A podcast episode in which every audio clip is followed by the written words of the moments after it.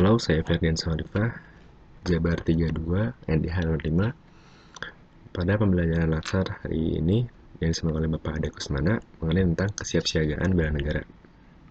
Kesiapsiagaan bela negara merupakan aktualisasi nilai-nilai bela negara dalam kehidupan bermasyarakat, berbangsa, dan bernegara sesuai peran dan profesi warga negara. Demi menjaga kedaulatan negara, keutuhan wilayah, dan keselamatan segenap bangsa dari segala bentuk ancaman yang yang pada hakikatnya mendasari proses nation and character building manfaat dari kesiap siagaan negara pun di antaranya adalah pertama adalah membentuk sifat sikap disiplin waktu, aktivitas dan pengaturan kegiatan lain. Membentuk jiwa kebersamaan dan solidaritas antar sesama rekan seperjuangan. Membentuk mental dan fisik yang tangguh, menanamkan rasa kecintaan pada bangsa dan patriotisme sesuai dengan kemampuan diri, melatih jiwa leadership dalam memimpin diri sendiri dan kelompok dalam materi team building, dan lainnya. Salah satu nilai dasar bela negara adalah memiliki kemampuan awal bela negara baik secara fisik maupun non-fisik.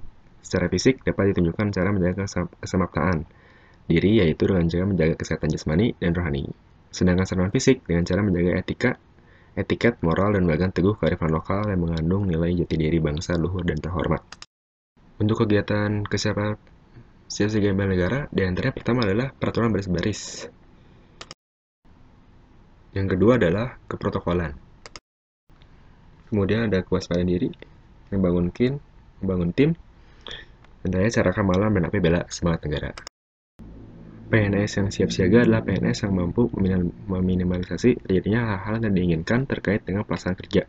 Dengan memiliki kesiapsiagaan yang baik, maka PNS akan mampu mengatasi segala ancaman, tantangan, hambatan, dan gangguan atau ATHG. Baik di dalam maupun di luar, sebaiknya jika PNS tidak memiliki kesiapsiagaan, maka akan sulit mengatasi ancaman, tantangan, hambatan, dan gangguan tersebut. Oleh karena itu, sikap bela negara atau kesiapsiagaan ini menjadi sangat penting untuk dipelajari. Demikian dari saya, semoga bermanfaat. Terima kasih.